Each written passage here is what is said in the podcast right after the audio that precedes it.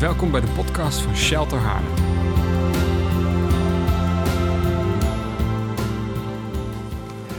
Goedemorgen allemaal. Ja. Ik zat nog even terug te denken net aan de, aan de aanbidding. En wat een rijkdom is het, hè? We waren vorige, of de afgelopen keer waren op opwekking. Ik denk, wat een rijkdom dat we hier in een land leven... waar we gewoon zo met elkaar, helemaal open en bloot... gewoon God kunnen en mogen aanbidden. Wat een... eh, en dan, dan hebben we die rijkdom zo dat er zo'n band hier staat. En dan, dan mogen we gewoon zingen. Dan mogen we onze armen omhoog steken. En dan maakt het niet uit wie of wat ons ziet. Maar dan mogen we gewoon hier zijn om God te aanbidden. Wat een rijkdom. Wat een rijkdom. En dat begin ik steeds meer te ervaren en steeds meer te beleven van wat een voorrecht dat is om dat eh, te mogen doen. En ik moet zeggen, ik heb er echt, eh, echt zin in deze ochtend. Dus eh, ik hoop jullie ook.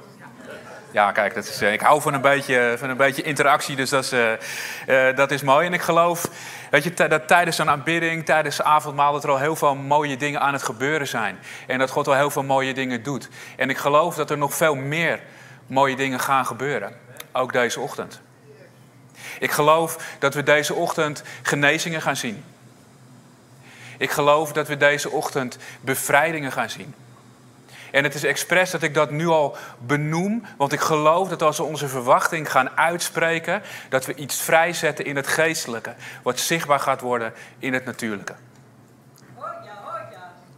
Kijk. Weet je, en Michiel, Michiel eh, sprak er net al eh, even over tijdens de aankondiging. En eh, het is iets waar ik vaker mee start. God is hier, God is bij ons. En dat is wat al het verschil maakt. Dat Hij hier is. Ik was 34 toen ik hier in deze gemeente, ik zat ongeveer een beetje daar, lekker veilig achterin, tot geloof kwam. Niet opgevoed volgens geloof. En hier was echt gewoon mijn aanraking, mijn beleving eh, met God, met Jezus. Dus ik weet heel goed hoe het is om te leven, een leven te hebben zonder God. En hoe, en hoe het is om een leven te hebben met God. Dus het feit dat ik zeg van God is hier, dat betekent alles voor me. En als we dat lied zingen van Hij heeft me gered, dan ervaar ik de diepte ervan van hoe dat is. Hij heeft me gered. Want ik weet hoe ik leefde voordat ik tot geloof kwam. En ik weet hoe het nu is om te leren en te ontdekken hoe het is om een leven met God te hebben. En dat is zijn verlangen. Het is Gods verlangen om bij jou te zijn. Het is niet ons verlangen naar Hem, ja dat komt later. Maar dat is een reactie op zijn verlangen naar ons toe. Hij wil bij ons zijn. En dat zie je eigenlijk al door de hele Bijbel heen, dat dat het verlangen van God is. En het begint al vlak bij de schepping dat Adam wandelt in de koelte van de avond met God. En ik vraag me dan ook wel eens af, wat zouden ze besproken hebben daar? Wat zouden ze gewoon uitgewisseld hebben met elkaar? En tegelijkertijd is dat ook gelijk het stuk waar het misging. Dit is ook gelijk de plek waar Adam en Eva tegen de wil van God ingingen en aten van de vrucht van de boom van goed en kwaad. En daardoor kwam er zonde en ziekte de wereld in. En dat veranderde ontzettend veel. Maar wat het niet veranderde, is het verlangen van God om bij ons te zijn. En dat zie je verder. Als je kijkt naar Abraham, die wordt door God zelf een vriend van God genoemd. God zegt tegen Abraham: Jij bent mijn vriend. En dat woord, dat uit nabijheid, dat uit liefde, dat uit ik wil bij jou zijn. En ook als we kijken naar bijvoorbeeld Mozes, die dan geroepen wordt door God om zijn volk te gaan bevrijden uit die slavernij. En Mozes zegt, ja maar wie ben ik dan? Wie ben ik dan? En het antwoord wat God hem daarop geeft is, ik ben met je. Ik ben bij je. Ik zal met u zijn. En als Jozua uiteindelijk het volk in het beloofde land moet gaan brengen, dan geeft God hem allerlei instructies. Maar het belangrijkste wat hij tegen hem zegt is: vrees niet, wees niet bang, want ik ben met je. David, die heeft vele psalmen geschreven, maar die wist precies hetzelfde. Die besefte heel goed het belang ervan. Hij schrijft in Psalm 23: Al ging ik ook door een dal vol schaduw van de dood, ik zou geen kwaad vrezen, want u bent met mij. Want u bent met mij. Er wordt dus niet een, een leven vol van roze geur en maneschijn uh, voorgeschoteld. Want zo zit het leven niet in elkaar. Maar de belofte die er wel ligt, is dat God met ons is. Dat hij bij ons is. En op een gegeven moment kwam er een langere stilte. Waarbij mensen heel lang niks van God vernomen hadden, niks van hem gehoord hadden. Maar dat was allemaal ter voorbereiding op dat Jezus kwam. Jezus, die altijd bij de Vader had gezeten, die in heerlijkheid bij hem zat in de hemel, die kwam naar ons toe. En dat kunnen we lezen in Johannes, Johannes 1. In het begin was het woord en het woord was bij God en het woord was God. Dit was in het begin bij God. Alle dingen zijn door het woord gemaakt en zonder dit woord is geen ding gemaakt dat gemaakt is. In het woord was leven. En het leven was het licht van de mensen. En het licht schijnt in de duisternis. En de duisternis heeft het niet begrepen. Of heeft het niet gegrepen.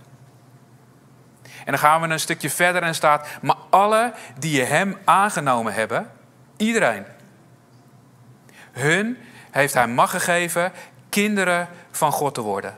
Namelijk die in zijn naam geloven.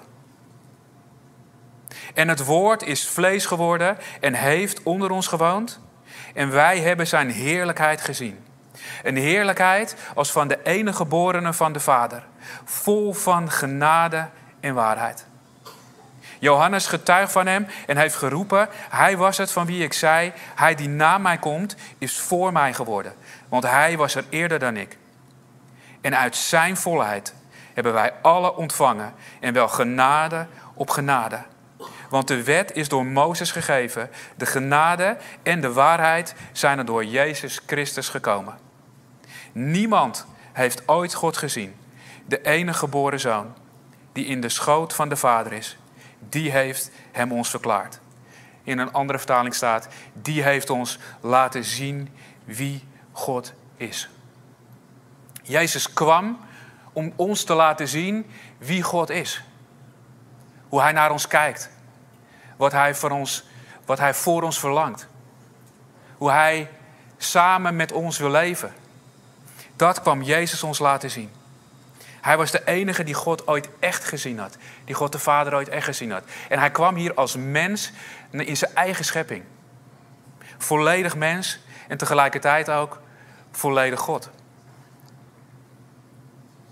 En hoe liet hij dat dan zien?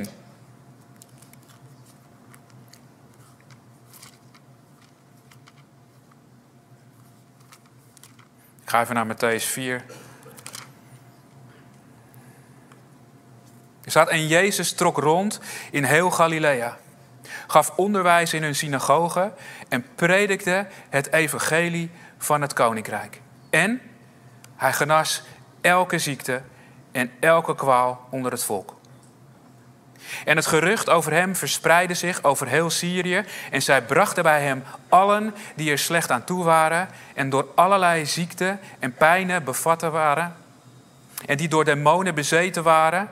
En maanzieken en verlamden. En hij genas hen. En grote menigte volgde hem. Uit Galilea en Decapolis. Uit Jeruzalem en Judea. En van over de Jordaan. Zo liet Jezus zien waarom hij gekomen was. Zo liet hij zien hoe God naar ons kijkt en wat zijn verlangen voor ons is. Hij verkondigde, hij vertelde over het goede nieuws. Hij vertelde over het koninkrijk van God. Maar hij vertelde het niet alleen. Hij zei niet alleen, zo ziet het koninkrijk eruit. Mooi hè?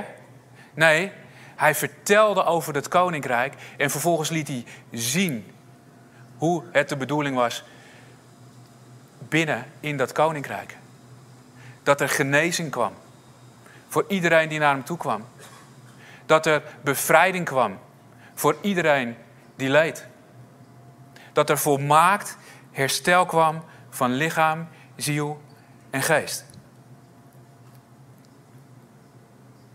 Maar zoals we weten, Jezus ging veel verder. Hij ging naar het kruis toe en hij wist dat het nodig was om een offer te brengen, zodat we niet alleen een speciaal volk dit kon weten, maar dat het voor ons allemaal beschikbaar zou worden. Dat er geen grenzen meer waren, maar dat voor iedereen, voor ieder mens die hier op aarde is, dat dit beschikbaar is.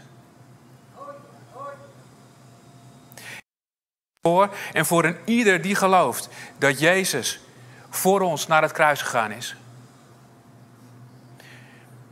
Dat hij de zonde van de wereld op zich genomen heeft. Gestorven is aan het kruis en is opgestaan. Dat Jezus leeft. Die heeft hij het recht gegeven een kind van God te worden. Dat is wat er nodig is, meer niet. En dat is eigenlijk wat we net ook gevierd hebben met het avondmaal. We nemen het brood, wat het lichaam van Jezus symboliseert, wat hij voor ons verbrijzeld heeft, zodat het van ons heel kan zijn.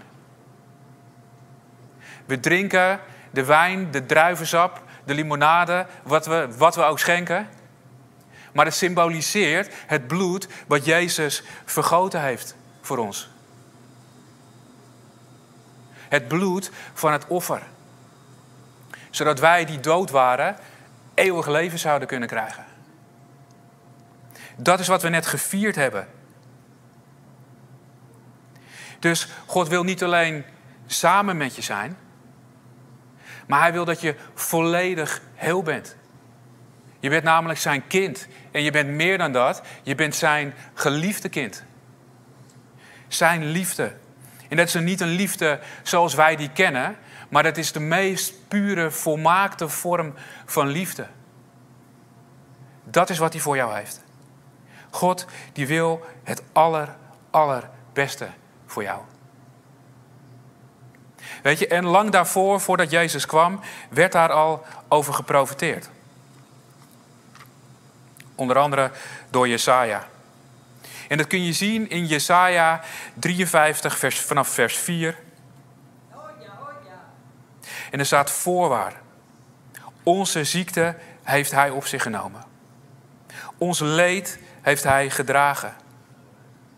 Wij hielden hem echter voor een geplaagde, door God geslagen en verdrukt.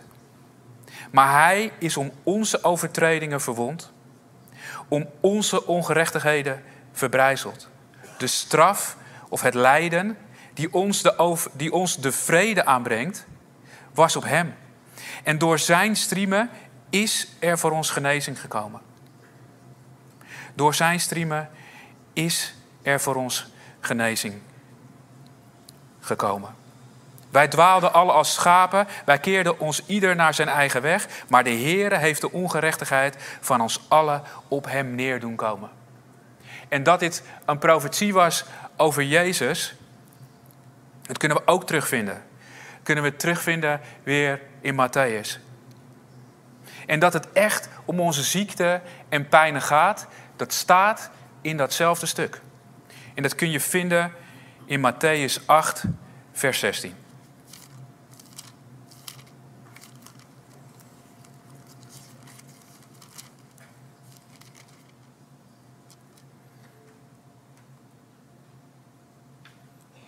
Daar gaan we.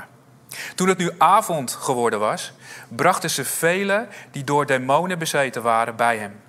En hij dreef de boze geesten uit met een enkel woord. En hij genas alle die er slecht aan toe waren. Zodat vervuld werd wat gesproken was door de profeet Jesaja toen hij zei: Hij heeft onze zwakheden op zich genomen en onze ziekte gedragen. Dat is wat hij voor ons heeft gedaan. Dat is wat hij voor ons doet. Want ook in het Nieuwe Testament, Petrus, die spreekt hierover. Dat kun je lezen in 1 Petrus 2, vers 24. En ook hij zegt, door zijn striemen bent u genezen. Door zijn striemen bent u genezen. En wat mij dat zegt, is dat genezing, ons welzijn, al zit opgesloten in dat volmaakte offer wat Jezus voor ons heeft gebracht. Dat is iets wat hij al bewerkstelligd heeft. En dat is niet gestopt. Dat was niet alleen voor toen, van nou mooi dat we dat hier kunnen lezen, maar dat is ook voor nu. Luister maar eens wat, hij, wat Jezus zegt aan het einde, toen hij was opgestaan tegen zijn discipelen. In Matthäus 28, vers 18. En Jezus kwam naar hen toe, sprak met hen en zei: Mij is gegeven alle macht in hemel en op aarde. Alle macht, we hebben het net nog gezongen. U bent de hoogste, u bent de grootste, u bent de machtigste. Alle macht is hem gegeven, zowel in de hemel als op aarde. Ga dan heen, onderwijs al de volken, hen dopend in de naam van de Vader en van de Zoon en van de Heilige Geest, hun lerend alles wat ik u geboden heb in acht te nemen. En zie, en daar hebben we hem weer, ik ben met u al de dagen tot de voleinding van de wereld. Amen. Maar wat had hij zijn discipelen dan geleerd? Want hij geeft hier een opdracht aan zijn discipelen om de rest van de volken te gaan bereiken, om hem te leren wat hij hun geleerd had. Maar wat had hij hun dan geleerd?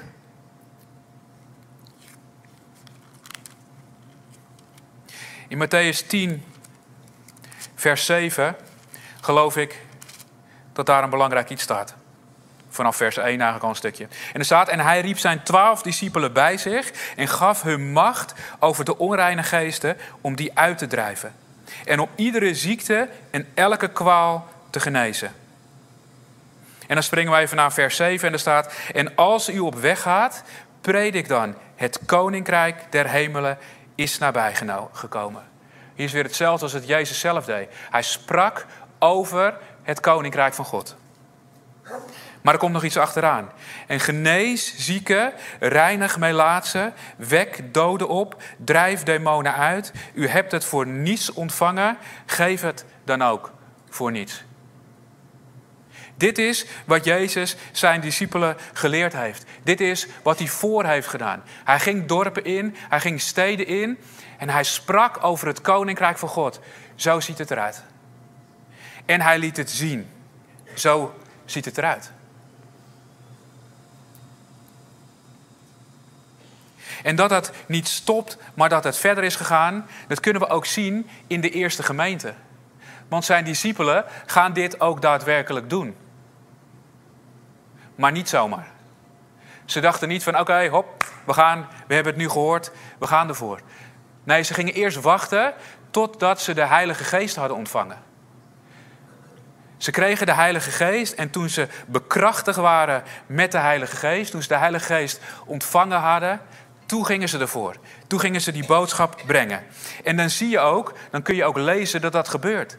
Petrus en Johannes, die verkondigen het woord. Maar een verlamde, die staat op. Die had nooit kunnen lopen, vanaf zijn geboorte af aan niet. En die kan weer lopen. Paulus, over Paulus worden vele dingen beschreven. En je ziet genezingen op allerlei manieren. Nou, als iemand veel gesproken heeft over het koninkrijk van God, dan is het Paulus wel. De Bijbel staat vol met brieven die hij geschreven heeft. En toch zegt Paulus ook: het koninkrijk van God bestaat niet alleen uit woorden, maar bestaat uit kracht. En je ziet dat er genezingen plaatsvinden op allerlei manieren. En ik was uh, twee weken geleden bij de kids en toen spraken we daarover. Toen hadden we het ook over genezing. En toen zei ik, joh, kun je, uh, heb je dat wel eens ervaren en hoe heb, je, hoe heb je dat ervaren? Kunnen we bedenken hoe God allemaal genezen heeft? En dan kan het leuk, want ze komen met allerlei, allerlei voorbeelden. Dingen die ze zelf hebben ervaren en dingen die ze geleefd hebben. Bijvoorbeeld ook zweetdoeken. Zweetdoeken worden overgebracht naar degene die ziek is. van Paulus. En er vindt genezing plaats. Iets wat we in de evangelie, wat Jezus zei, nooit hebben kunnen terugvinden. Maar toch gebeurt het. Toch gebeurt het. Dus God wil op allerlei verschillende manieren genezen. En Filippus doet dat ook. Filippus wordt niet heel veel over gesproken, maar wat er over hem gesproken wordt, is prachtig. En er staat in de Handelingen 8, vanaf vers 5. En er staat, en Filippus daalde af naar de stad van Samaria en predikte hun Christus. Weer hè, hij predikte, hij vertelde over wie Jezus was, over de koning van het koninkrijk van God. En de menigte hielden zich eensgezind aan wat door Filippus gezegd werd. Waarom? Omdat zij luisterden en de tekenen zagen die hij deed.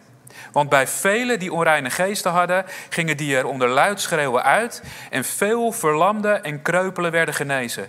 En er ontstond grote blijdschap, blijdschap in die stad. Ik kan me er wel iets bij voorstellen. Dat zie je ook als Jezus een stad of een dorp inkomt. Dan, staat er continu die blijdschap wordt genoemd. Die vreugde wordt genoemd. En dat komt omdat mensen die ziek waren, die, die genezen werden. Dat komt doordat mensen die pijn hadden, pijnvrij werden. Dat komt doordat mensen die bezeten waren, vrij werden. Dat komt omdat ze hoop kregen, hoop zagen. Omdat ze hoorden over het koninkrijk en zagen hoe goed en hoe mooi dat koninkrijk is.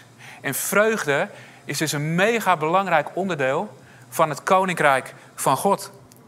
Het staat er ook, hè? het koninkrijk van God bestaat uit rechtvaardigheid, vrede en vreugde. Mega belangrijk. Dat is wat het doet, dat is wat er gebeurt als de kracht van God zichtbaar wordt. En diezelfde kracht, die is ook nu beschikbaar. Waarom? Waarom is dat niet gestopt daar, maar waarom is dat ook doorgegaan?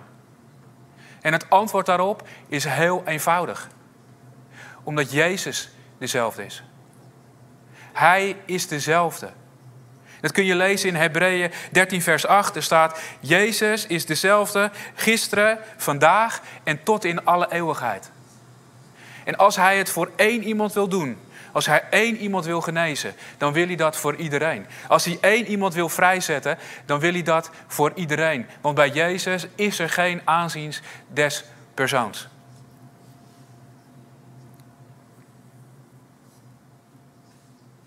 En je ziet, ik las het net voor, dat dan steden en dorpen veranderd worden. En ik geloof dat dat vandaag de dag dus nog steeds zo kan. Ik geloof dat als we hierin gaan uitstappen, gaan omarmen wat Jezus heeft volbracht, gaan zeggen: Ja, ik heb de Heilige Geest ontvangen. En we met z'n allen daarin gaan uitstappen, gaan vertellen over onze koning, maar ook gaan laten zien wie onze koning is. Dat ook vandaag de dag dorpen gaan veranderen. Dat ook vandaag de dag steden gaan veranderen. Dat landen gaan veranderen. Dat werelddelen gaan veranderen. Zodat uiteindelijk elke knie zal buigen en zeggen: Heer Jezus, u bent mijn koning. U bent mijn koning. Weet je, en toen ik tot geloof kwam, kreeg ik het verlangen al na een paar maanden om dit te gaan doen had helemaal nog niet zoveel in de Bijbel gelezen, wel wat. Maar ik was gewoon bezig. Maar dat verlangen, dat kwam diep in mijn hart. En de Heilige Geest zei tegen me, joh, ga naar Mario toe. En Mario, dat wist ik niet, maar die stond al op straat en die was mensen aan het vertellen over het Koninkrijk van God. Over Jezus. Maar hij was niet alleen aan het vertellen, hij was het ook aan het laten zien. Hij ging bidden voor mensen, voor genezing, voor bevrijding. En uh, het mooie was dat hij kwam eigenlijk op dat moment dat de Heilige Geest tot mij sprak, kwam hij net een beetje alleen te staan. En hij zei, Heer, als dit echt uw plan is, als dit is wat ik moet gaan doen, wilt u dan iemand sturen om het samen met mij te doen? En op datzelfde moment sprak de Heilige Geest tot mij en hij zei, ga naar Maria toe. En zo kwamen we bij elkaar. En we gingen de straat op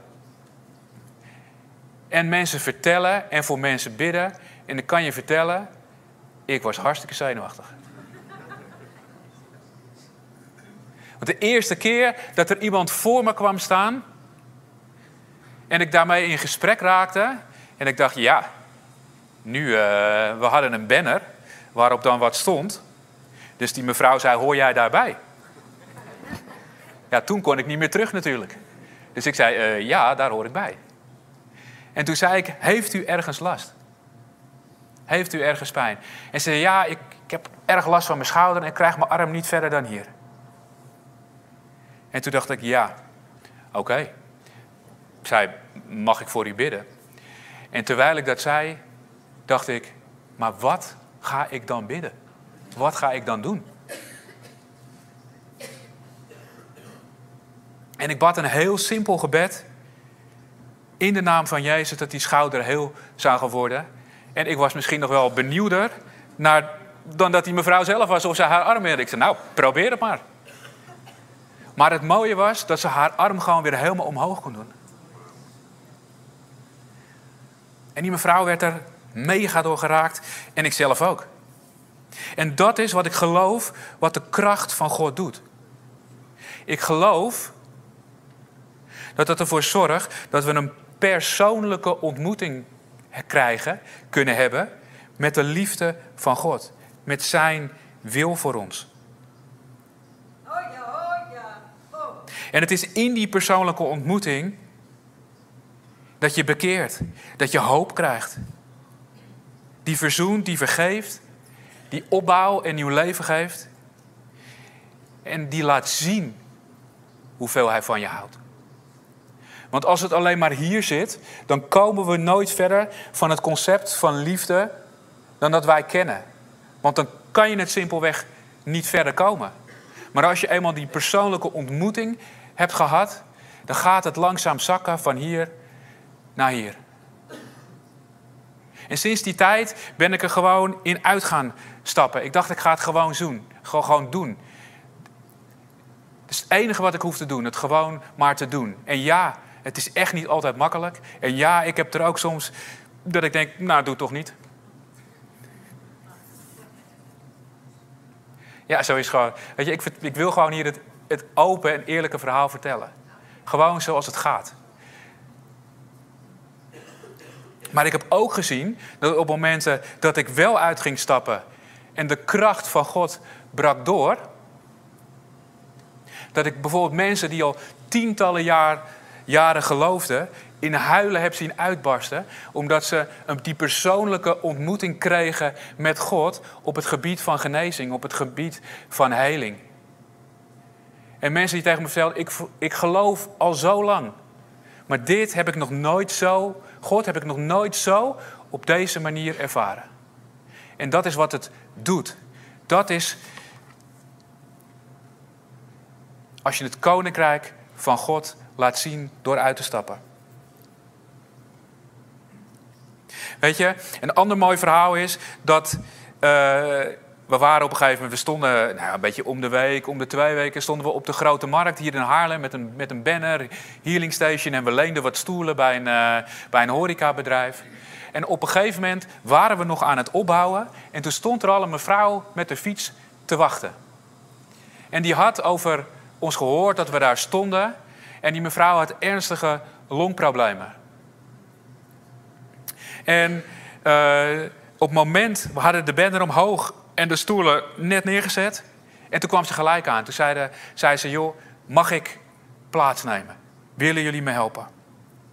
En ze begon te vertellen over dat ze naar het ziekenhuis was geweest, dat er longfoto's waren gemaakt en dat, er een, ja, dat de, de artsen een zwarte plek op die longen zagen, niet goed wisten wat het was. En, maar ze had er heel veel last van, ze had er pijn van, ze kon moeilijk ademhalen. En ze kreeg medicijnen daarvoor. En, maar er zat een bepaalde ja, uh, maximum aan wat ze per dag mocht innemen. En ze nam dat in, maar ze nam ochtends eigenlijk al, had ze eigenlijk al al die doses nodig. Dus ze gebruikte dat dan ochtends. Dan was dat een beetje oké. maar vanaf de middag en de avond had ze al gewoon die last daarvan. En Mario vertelde me later dat hij er zag staan en dat hij hoorde geest van zwakheid in zijn gedachten.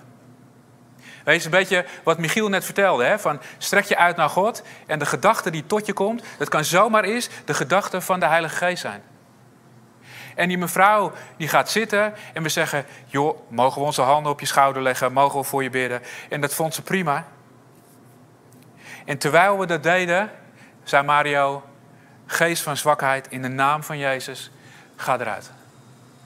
En die mevrouw die begon heel lichtjes te hoesten. Niet hard, niet overdreven. Werd niet geschreeuwd of gedaan. Gewoon midden op de grote markt hier in Haarlem. En die mevrouw begon met te hoesten. En ze begon opeens diep in te ademen. En ze zei: Dit kon ik niet. Ik kon vanochtend nog niet zo diep inademen. En ze ging terug naar huis. En weken later kwam ze nog voorbij fietsen en zei: Het is nog steeds weg hoor. Het is nog steeds weg. En ze is teruggegaan naar het ziekenhuis en er was niks meer te zien op die foto. Dat is wie God is. Dat is wat hij vandaag de dag ook nog doet. Ik heb gezien dat, en het, was, is altijd leuk, er kwamen er, soms kwamen er groepjes mensen. En dat vond ik zelf altijd het leukst, want als mensen in een groepje zijn en ze kennen God nog niet en ze zien zoiets staan, dan denken ze vaak, nou, daar kunnen we wel een geintje mee uithalen. en ik heb daar nul moeite mee. Ik denk van, zolang je maar in gesprek komt, kom maar. En er is er altijd eentje, altijd, maar vaak wel eentje die dan zegt, nou dat wil ik dan wel eens even zien. En op het moment dat iemand zegt, nou dat wil ik dan wel eens even zien, dan geloof ik dat er ruimte ontstaat, dat er openheid ontstaat en dat God daar doorheen wil werken.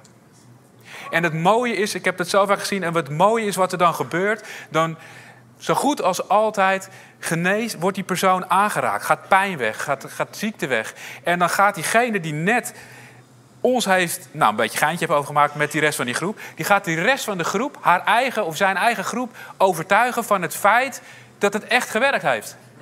Dat het echt zo is. En dan krijg je opeens, in plaats van die reactie naar jou toe, krijg je de reactie tussen elkaar.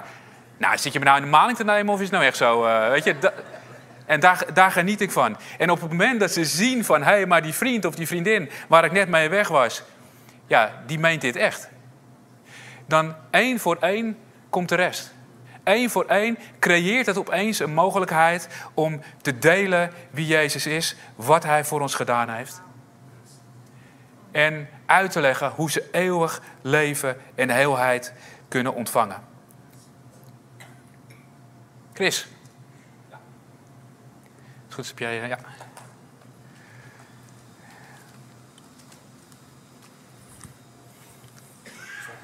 Ik denk het wel. Hallo, hallo. Ja. Goedemorgen. Ik was niet zenuwachtig, maar dat ik dan jullie allemaal zie. Één keer gaat je hart uh, kloppen, hè? Um, ja, ik uh, mag wat uh, delen. Ik denk twee maanden geleden hadden we een evaluatie van een kledingbank. Uh, wat wij organiseren met, met een groepje. En we, we, waren met elkaar aan het praten. en ehm, ik denk, nou, een half uurtje onderweg. En ik zit, we, we, hebben het over wat God allemaal in ons leven doet. Of gedaan heeft en nog gaat doen. En vervolgens ehm, ja, komt het stukje genezing komt op. En Jantine, mijn schoonzus, die had last. En ik had last van mijn onderrug. Nou, ik, eerst Jantine, prima. Die werd, werd voor gebeden. En ik ging even, kijken of het allemaal werkte. En het werkte. En toen dacht ik, ja, hallo. Ik heb al uh, maanden heb ik last van mijn onderrug. Dus uh, ik zei, nou oké, dan ben ik nu. en er werd voor me gebeden. En uh, nou ja, 90% was weg. En een week later nog die 10% extra. Het is gewoon weg. En het heeft niet alleen mijn onderrug genezen, maar het heeft ook iets mentaals gedaan. Ehm, er is een blokkade weg. Ik sport drie, vier keer in de week. Dat is jaren niet gedaan. Zes kilo kwijt, twee kilo spier erbij. En het is pas het begin van, deze, van deze weg. Maar dat is wat God doet. Die doet iets lichamelijks, maar die doet ook iets mentaals. Het zit eraan vast. En dat vind ik het mooie eraan. Het is niet alleen dat stukje, wat al bijzonder is. Um, als iemand sprak over genezing, dacht ik van ja, mooi. En nu gebeurde bij mezelf en ik kon het eh, de eerste week niet geloven. Dat ik dacht van, hè? Echt? Ja, echt. Dus eh, dat is het mooie aan, eh, aan, aan wat God doet. Dus dat wil ik even delen met jullie. Yes, dankjewel. Thanks. Ja, mooi hè? Maar ik had ook beloofd dat ik het hele verhaal zou vertellen. Het echte verhaal. Weet je, want dit zijn allemaal dingen die we, meemaken, die we mee kunnen maken. En tegelijkertijd lopen dingen soms ook anders dan dat je hoopt dat ze lopen. Weet je, als je hierin gaat uitstappen, dan kan het zomaar zijn ook dat je, dat je voor iemand bidt en het heeft niet, je ziet niet direct het effect wat we net gehoord hebben.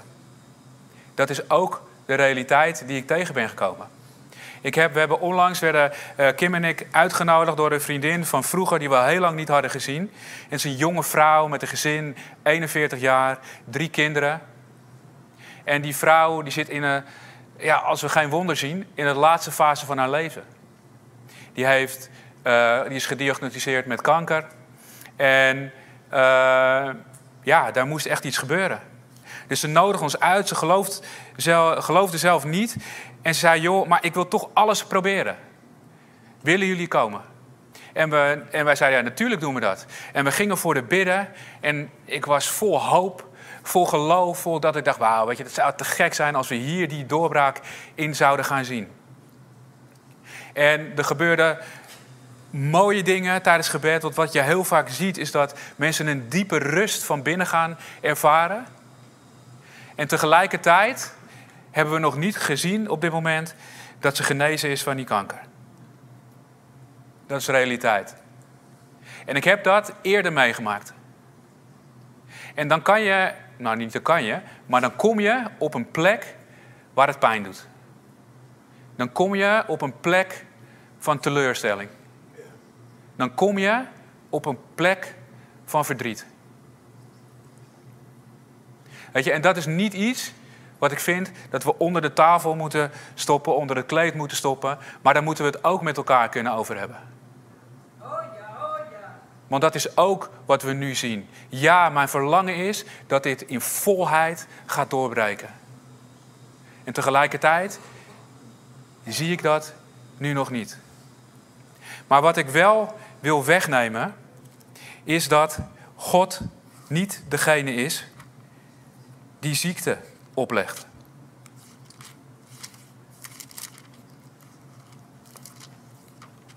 God is niet degene die ziekte oplegt. In Handelingen 10, 38 staat hoe God Jezus van Nazareth gezalfd heeft met de Heilige Geest en met kracht en hoe hij het land doorgegaan is terwijl hij goed deed en alle die door de duivel overweldigd waren genas, want God was met hem. En terwijl ik hier sta, moet ik denken aan Johannes 10, vers 10, die het ook zo mooi omschrijft. De dief komt alleen maar om te stelen, te slachten en verloren te laten gaan.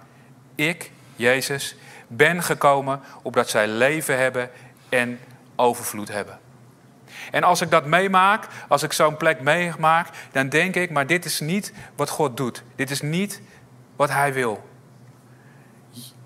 Bill Johnson geeft het heel mooi. Die zegt, Jezus is de perfecte theologie. En ik kan niet terugvinden in de evangelie, toen Jezus liep, dat Jezus ook maar één keer ziekte of pijn aan iemand heeft opgelegd. Wat ik lees, wat ik zie, wat ik hoor, is dat hij het wegneemt. Hij is gekomen om gevangenen vrij te zetten. En wat ik dan ga doen, ik ga naar God toe en ik vertel hem gewoon eerlijk waar ik dan mee worstel. Wat ik zie, wat ik voel. En ik geloof dat dat de plek is waar ik, waar ik dan heen moet gaan. En tegelijkertijd ga ik dan op zoek naar getuigenissen. Ga ik over dat onderwerp. Ga ik lezen over de mensen die ons voor zijn gegaan. Mensen die prachtige genezingsbedieningen hebben gehad. Waar ontzettend veel is gebeurd. Want ik geloof dat het feit dat ik het nu niet zie. Ik geloof dat dat niet de plek is waar ik moet blijven hangen. ja, er komen waarom vragen, er, er komt van alles. En dan heb ik het nog van een afstand gezien. Ik kan me nog niet eens voorstellen hoe het is als je het van heel dichtbij meemaakt. Dus er komen in die zin allerlei vragen. En dan denk ik, maar Jezus is niet degene die die ziekte geeft. En terwijl ik ook nu aan het zoeken was naar filmpjes, naar getuigenissen, kwam ik dit filmpje tegen, wat ik jullie graag wil laten zien. Het stond in de nieuwsbrief. In de eerste week van eh, september, ik weet niet exact de dag, stond ik met te scheren en ik ontdekte in mijn hals een, een bobbel. Nou, met een beetje geneeskundige achtergrond besefte ik wel dat dat niet normaal was dat daar een bobbel zat. En ik ben samen met uh, Willy, mijn echtgenote, naar de KNO-arts gegaan en hij zei van ga maar zitten, want ik heb niet zo'n goed bericht. Hij zegt er zijn kankercellen van een uitzaaiing, dus een metastase. En de kankerhaard moet zitten in het KNO-gebied, dus in, in dit deel. En ja, met die tijdding werden wij nog niet heen gezonden, maar hij zei wel gelijk van de vakantie die je had gepland in Albanië, die, heb ik, eh, die is bij deze gecanceld. Want ik heb een afspraak voor je gemaakt in het eh, UMCU in uh, Utrecht. Ja, Dick en ik hadden wat, uh, waren wat voorbereiding aan het treffen om samen naar Albanië te gaan. We waren daar echt heel enthousiast over. En om samen een keer op te trekken, dat was natuurlijk helemaal geweldig. Alleen een week voorafgaande uh, sprak ik Dick en die vertelde van joh, ik heb uh, een bobbel in mijn, in mijn hals en dan moet ik mee naar de dokter. Ja, nou, dat is, ja, dat zou ik dan maar doen. Dus vervolgens is Dick naar de huisarts geweest. En hij belde van joh, ik, ik moet ermee naar het ziekenhuis, want het is waarschijnlijk niet goed. Toen is dat ook bevestigd in het ziekenhuis dat het een uitgezaaide, waarschijnlijk een uitgezaaide kanker was. En dat ze toch wel het vermoeden hadden dat het kwaadaardig was. Ten eerste plaats is dat natuurlijk wel een hele heftige boodschap. Dat je, dat je kanker hebt. En, ja, dan, dan hoop en bid je gewoon dat het meevalt. Zondags zat ik in de, in de kerk in Nunspeet. Het was viering van het Heilige Avondmaal. Nou, en, uh, ik ging aan tafel en het brood werd ge gebroken. En, nou, dat, dat, nam ik. En nou, ook een moment van bezinning en stilte. En toen sprak God heel duidelijk, en ik weet zeker dat God het was, sprak heel duidelijk, maar daarom was ik echt wel een beetje overrompeld. Van na deze dienst ga je naar je broer en leg hem de handen op en bid genezing in Jezus' naam. Nou, ik kreeg gewoon, gewoon kippenvel terwijl ik daar zat. En uh, ik wist niet zo goed hoe ik het had. En, uh, dus na de dienst ben ik naar de voorganger toe gegaan. En ik zeg tegen hem, David, dit is mij overkomen. En uh, ja, wat, moet ik ermee? En waarom moet ik dat doen? En hij zei, je moet gewoon geloven, uitstappen in geloof en dat gaan doen. Dus we hebben samen even een rustig plekje opgezocht. En, toen heeft hij, hebben we samen gebeden, heeft hij me gezegend, weggestuurd. Ja, en toen stond ik buiten de kerk en denk van ja, nou moet, het, uh, nou moet ik dat ook gaan doen. Nu moet ik ook uitstappen. Net na kerktijd wordt er aan de deur gebeld en staat mijn broer Heinz aan de deur. Hij zegt, Dick, ik ben net in de opstandingskerk geweest, ik heb het heilige avondmaal gevierd. En God heeft mij de opdracht gegeven om voor jouw gezondheid te bidden. Hij heeft gesprek gehad met de dominee, die heeft hem gezegend. Hij zegt, sta je ervoor open dat ik bid voor genezing in Jezus' naam? Daar hebben we even over gesproken. Ik zeg, maar laten we ook de Bijbel er even bij pakken. Van waar het dan ook staat, dat er, uh, dat er sprake is van de genezing bidden in Jezus' naam. Dus we hebben Jacobus 5 gelezen. Toen zijn we met z'n drieën gaan staan. En uh, eerst ook aan Dick gevraagd van, geloof jij dat Jezus jou kan genezen? En nou, daar zei hij volmondig ja op. En, toen zijn we gestaan met z'n drieën. En heb ik mijn hand op dat gezwel in zijn nek gelegd.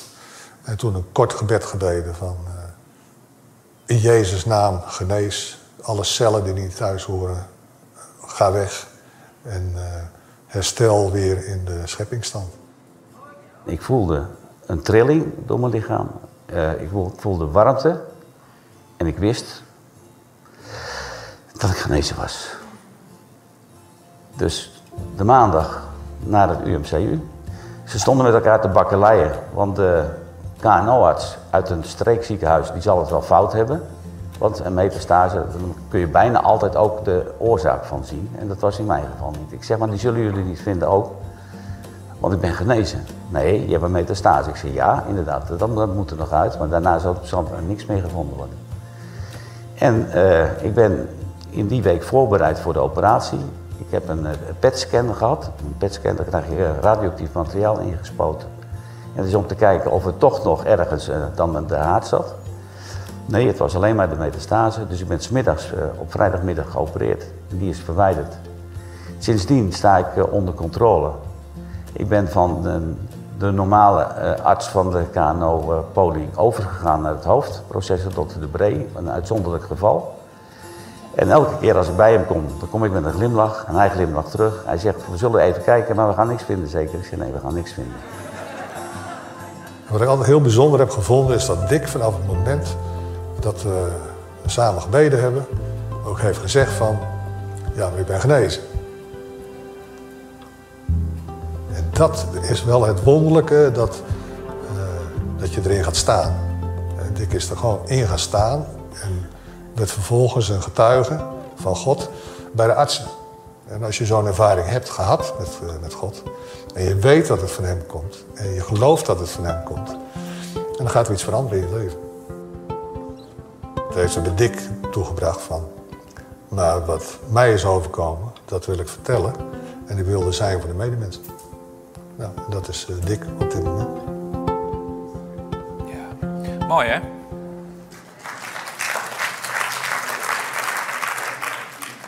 We hebben de Heilige Geest gekregen om een getuige te zijn.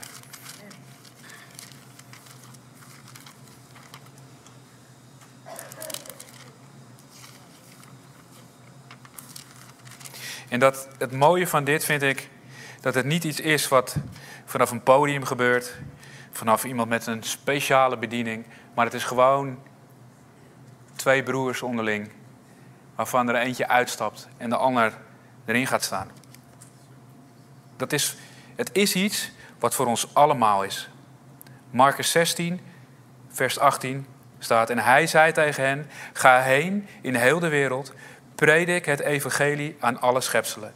Wie geloof zal hebben en gedoopt zal zijn, zal zalig worden. Maar wie, geloof, maar wie niet geloof zal hebben, zal verdoemd worden. En hen die geloof zullen hebben, zullen deze tekenen volgen. Steek je hand eens op. Wie gelooft hier? Let op. In mijn naam, in de naam van Jezus, zullen zij demonen uitdrijven. In vreemde talen zullen zij spreken. Slangen zullen zij oppakken en als zij iets dodelijks zullen drinken, zal het hen beslist niet schaden. Op zieken zullen zij de handen leggen en zij zullen gezond worden. De Heer is dan, nadat hij tot hen gesproken had, opgenomen in de hemel en heeft zich gezet aan de rechterhand van God. Maar zij gingen overal heen om te prediken en de Heere werkte mee en bevestigde het woord door tekenen die erop volgden. Amen. Amen. Dat is voor ons allemaal. Je hoeft niet op outreach te gaan als je maar uitreikt naar je laatste, naar, naar je naaste. Weet je, en ik wil vragen of we allemaal willen gaan staan. Ben mag naar voren komen als ze willen. Als ze niet willen, is dat ook goed.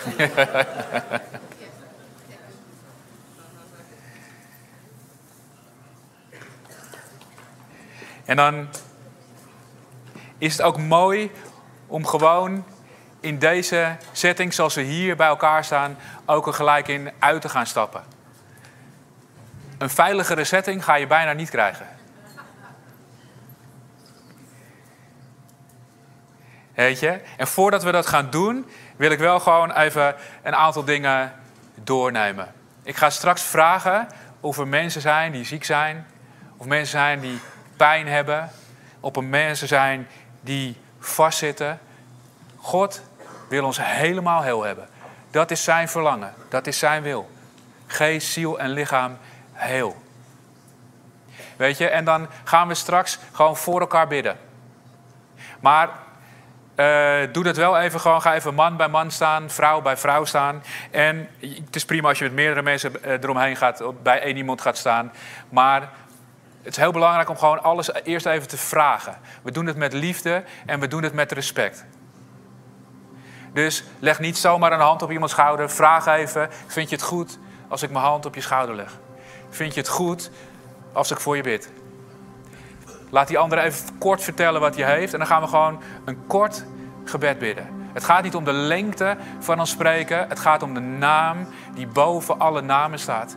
Die hoog verheven is boven elke macht en boven elke kracht. En dat is Jezus. En net zoals je hier in het filmpje zag, een kort gebed is genoeg. En dan wil ik vragen, als je degene bent voor wie, je, eh, voor wie er gebeden wordt, en je kan het uittesten.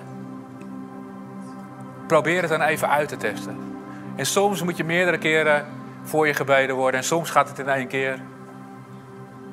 Laten we daarin gaan stappen. Dus dan komt hier de vraag: wie heeft er gebed nodig? Steek je arm even in de lucht. En dan wil ik vragen aan alle mensen die omheen om gewoon even te kijken. En dan wil ik vragen of je op dit moment gewoon naar iemand toe wil stappen en erbij wil gaan staan.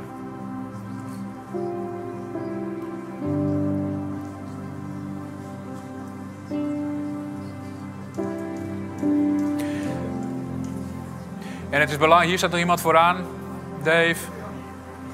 We laten niemand alleen staan.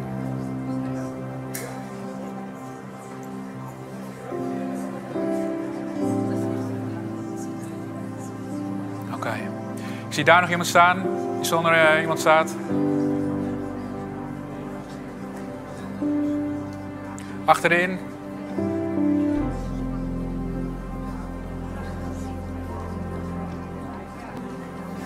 Achterin nog iemand.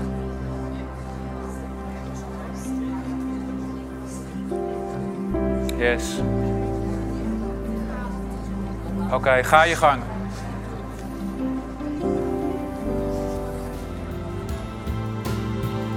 Dank voor het luisteren naar onze wekelijkse podcast. De missie van Shelter is Gods Koninkrijk zichtbaar maken in onze wereld. Wil je onze gemeente financieel ondersteunen in deze missie? Ga dan naar www.shelter-haarlem.nl geven.